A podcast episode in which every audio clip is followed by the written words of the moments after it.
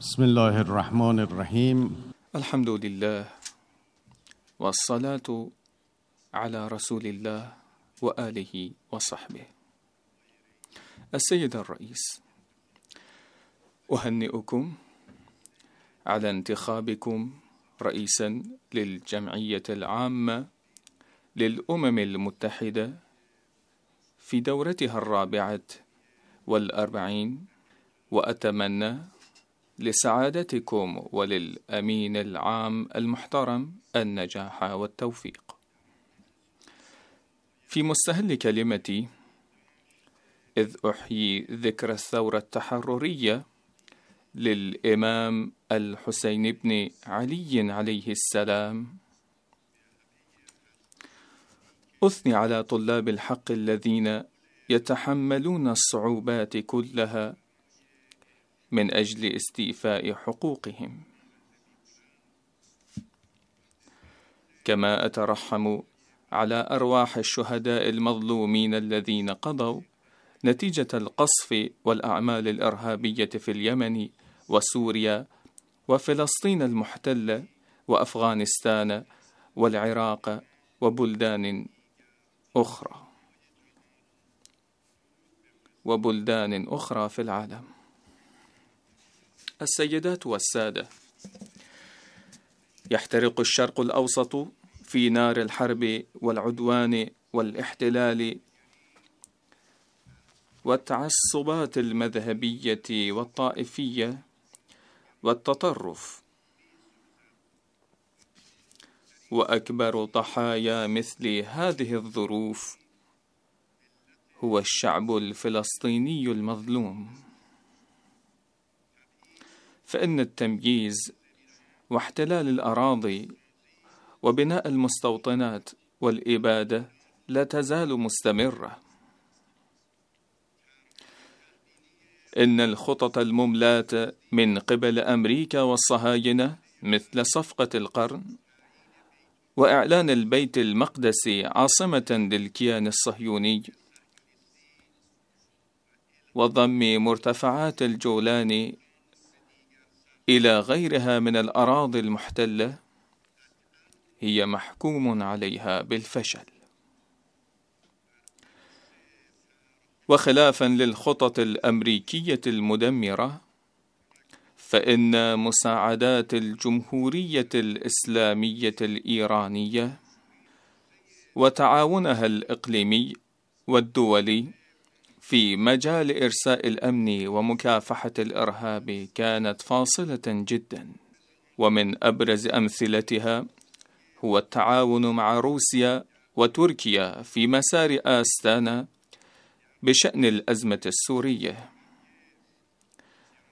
وتقديم مبادرة سلام لتسوية الأزمة اليمنية والتعاون النشط مع مع مبعوث الأمين العام للأمم المتحدة. وكذلك المباحثات البناءة مع أربع دول أوروبية. والجهود الفعالة لتسهيل مباحثات السلام بين الأطراف اليمنية. والتي أدت إلى اتفاق ستوكهولم للسلام بشأن ميناء الحديدة. أيها الحضور الكرام أنا قادم من بلد ظل صامدا منذ عام ونصف عام أمام أقصى إرهاب اقتصادي ودافع عن حقه في الاستقلال والتنمية العلمية والتقنية. فقد حاولت الإدارة الأمريكية ومن خلال فرض عقوبات عابرة للحدود وتهديد الدول الأخرى أن تحرم إيران من مزايا المشاركة في الاقتصاد العالمي. وقد مارست قرصنة دولية عبر إساءة استغلال النظام المصرفي. نحن الإيرانيين كنا في طليعة شعوب المنطقة في الثورات التحررية. أردنا دوما السلام والتقدم لأنفسنا ولجيراننا. ولم نستسلم قط أمام العدوان والإملاءات الخارجية. إننا لا نستطيع أن نصدق الدعوة إلى التفاوض ممن يدعون أنهم فرضوا العقوبات الأقسى في التاريخ على كرامة شعبنا ومعيشته. كيف يمكن التصديق بأن تكون ممارسة الإبادة الصامتة بحق شعب والضغط على ثلاثة وثمانين مليون إيراني خاصة النساء منهم والأطفال؟ مدعاة رضا وفخر لمسؤول الإدارة الأمريكية؟ وأن يتحول استخدام العقوبات ضد طيف من الدول كإيران وفنزويلا وكوبا والصين وروسيا إلى إدمان مفرط. إن الشعب الإيراني لن ينسى أبدا هذه الجرائم وهؤلاء المجرمين. ولن يصفح عنهم. السيدات والسادة إن توجه الإدارة الأمريكية الحالية تجاه الاتفاق النووي ليس انتهاكا لقرار 2231 فحسب بل يعتبر اعتداء على سيادة دول العالم كلها واستقلالها السياسي والاقتصادي. رغم انسحاب أمريكا من الاتفاق النووي لم تزل إيران ملتزمة ولمدة عام بتعهداتها النووية كاملة وفق الاتفاق النووي. فاحتراما لقرار مجلس الأمن أمهلنا أوروبا فرصة لتفي بتعهداتها الأحد عشر لتعويض انسحاب أمريكا؟ لكن وللأسف لم نسمع إلا الكلام الجميل دون أن نرى خطوة فاعلة. اتضح اليوم للجميع أن أمريكا تدير ظهرها لتعهداتها وأوروبا تعجز عن الوفاء بتعهداتها. لكننا وحتى قررنا تطبيق بندي السادس والعشرين والسادس والثلاثين للاتفاق النووي اتخذنا استراتيجية الخطوة خطوة ولم نزل ملتزمين بالاتفاق النووي إلا أن هناك حدود لصبر إيران. فعندما لا تحترم أمريكا قرار الأمم المتحدة وحينما تظهر أوروبا عجزها عن الوفاء بتعهداتها لن يبقى طريق غير التعويل على عزتنا وكبريائنا واقتدارنا الوطني. يدعوننا إلى التفاوض بينما هم يتهربون من التفاوض. كنا نتفاوض مع الإدارة الأمريكية الحالية على طاولة مفاوضات الخمسة زائد واحد لكنهم ضربوا بتعهد سلفهم عرض الحائط. بصفتي ممثلا عن شعبي ووطني أعلن أن ردنا على مقترح التفاوض في ظل العقوبات هو الرفض. فقد صمد شعب إيران وحكومتها لمدة عام أمام أقصى العقوبات. ولن يتفاوض ابدا مع عدو يريد دفع إيران إلى الاستسلام باستخدام سلاح الفقر والضغط والعقوبات. كما قال قائد الثورة المعظم إذا تطلبون الرد الإيجابي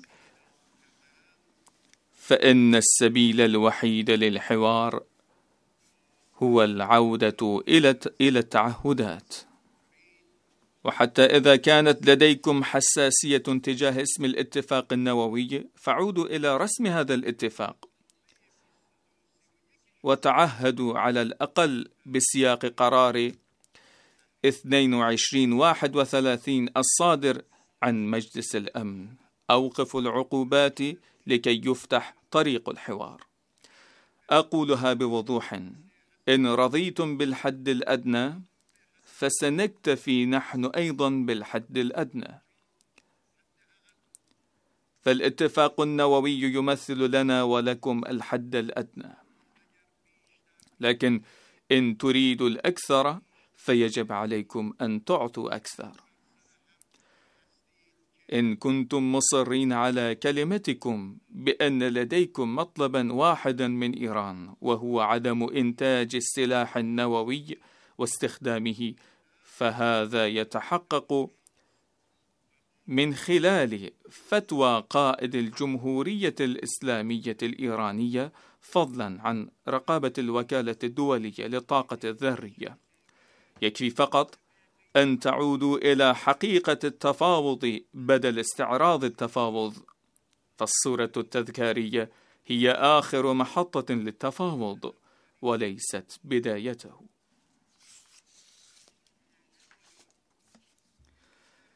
السيدات والسادة.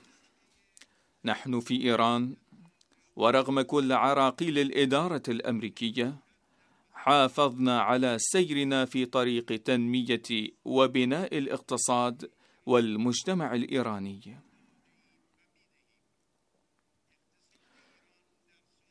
فالاقتصاد الإيراني حقق خلال عام 2017 أعلى نسبة نمو اقتصادي في العالم.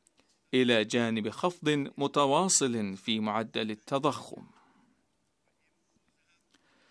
واليوم وبالرغم من الاضطرابات الناتجة عن الأسباب الخارجية خلال العام ونصف العام المنصرم عاد الاقتصاد الإيراني مرة أخرى إلى مسار النمو والاستقرار. فمعدل نمو إجمالي الناتج المحلي الإيراني دون احتساب النفط أصبح إيجابيا من جديد في الشهور الأخيرة كما أن الميزان التجاري للبلد لا يزال إيجابيا. أيها الحضور الكرام إن النظرية الأمنية للجمهورية الإسلامية الإيرانية هي الحفاظ على السلام والاستقرار في الخليج الفارسي وتوفير الأمن والحرية للملاحة البحرية في مضيق هرمز الاستراتيجي. إلا أن الأحداث الأخيرة عرضت هذا الأمن لخطر جدي. إن الأمن والسلام في الخليج الفارسي وبحر عمان ومضيق هرمز يتحققان عبر مشاركة دول هذه المنطقة. إذ هي كفيلة بضمان التدفق الحر للنفط وسائر موارد الطاقة شريطة أن نعتبر الأمن مظلة شاملة لكل الدول وفي كل المجالات.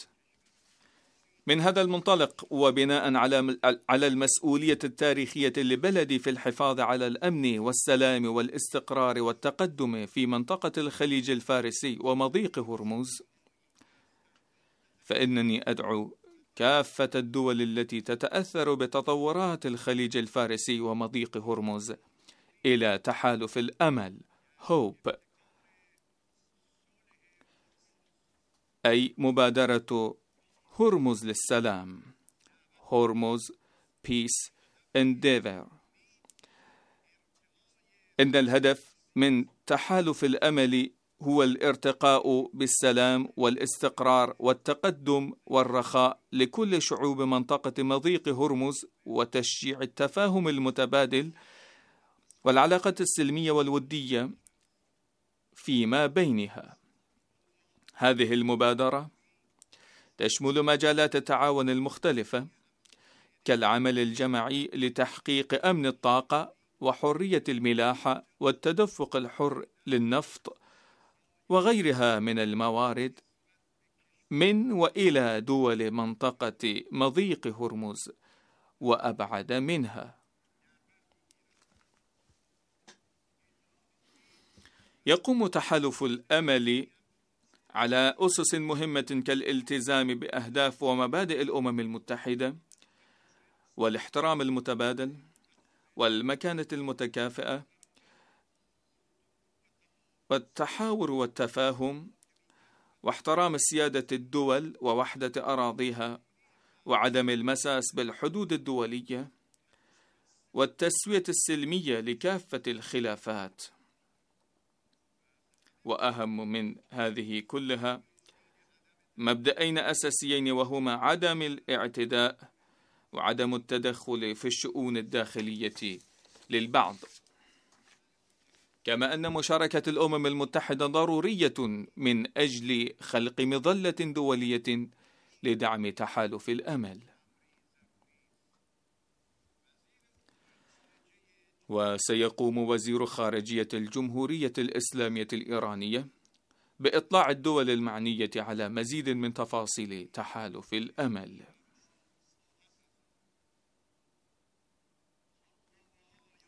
السيدات والسادة، إن تشكيل أي تحالف أمني وتحت أي عنوان في المنطقة بمحورية وقيادة القوات الأجنبية يعد مظهرا بارزا للتدخل في شؤون المنطقة.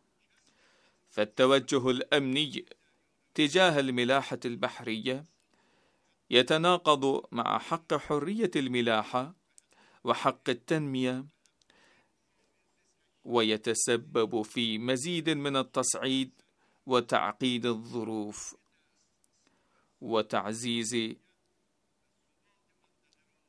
ويهدد أمن, أمن المنطقة واستقرارها وسلامها. إن أمن المنطقة يتحقق بخروج القوات الأمريكية وليس بأسلحتها وتدخلها. فأمريكا وبعد مضي ثمانية عشر عام فشلت في تقليص الأعمال الإرهابية، لكن الجمهورية الإسلامية الإيرانية وبمساعدة الشعوب والدول الجارة أنهت فتنة داعش. إن الحل النهائي لسلام الشرق الأوسط وأمنه وأمنه هو الديمقراطية في الداخل والدبلوماسية في الخارج، إذ لا يمكن شراء الأمن أو توفيره عبر الدول الأجنبية. إن سلام جيراننا وأمنهم واستقلالهم هو سلامنا وأمننا واستقلالنا. ليست أمريكا جارتكم، وإنما الجمهورية الإسلامية الإيرانية هي جارتكم. ومن القدم علمونا الجار ثم الدار. لو حدثت الحادثة فسنبقى نحن وأنتم لوحدنا. نحن جيران بعضنا ولسنا جيران أمريكا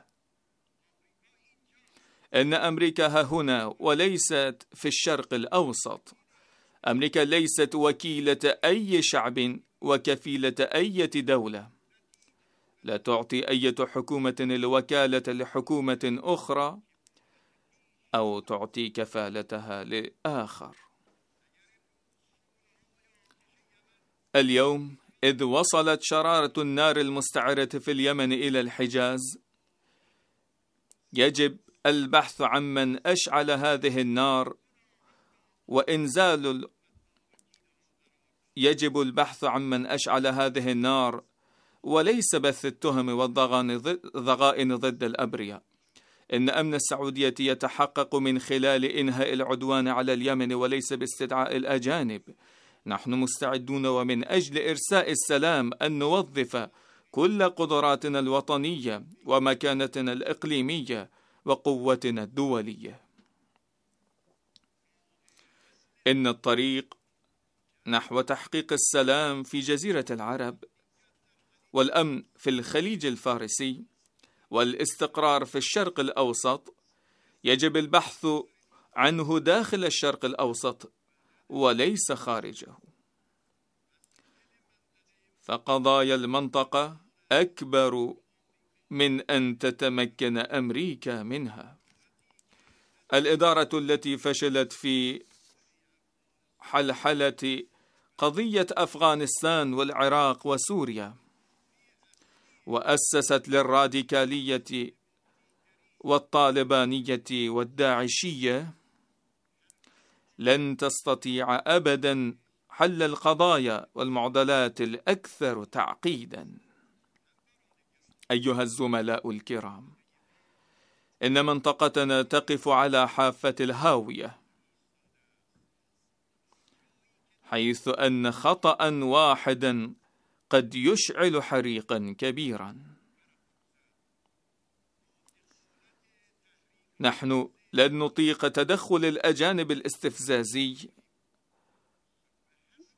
وسنرد بحزم على أي اعتداء ضد أمننا ووحدة أراضينا. لكن الطريق البديل والمفضل لدينا هو التضامن بين كل الشعوب التي تجمعها المصالح المشتركة في الخليج الفارسي ومنطقة هرمز. هذه هي رسالة الشعب الإيراني. تعالوا لنستثمر في بناء مستقبل أفضل بدل الاستثمار في الحرب والعنف. لنعد إلى العدالة. لنعد إلى السلام والقانون والعهود. وأخيرا لنعد إلى طاولة المفاوضات. شكرا على اهتمامكم.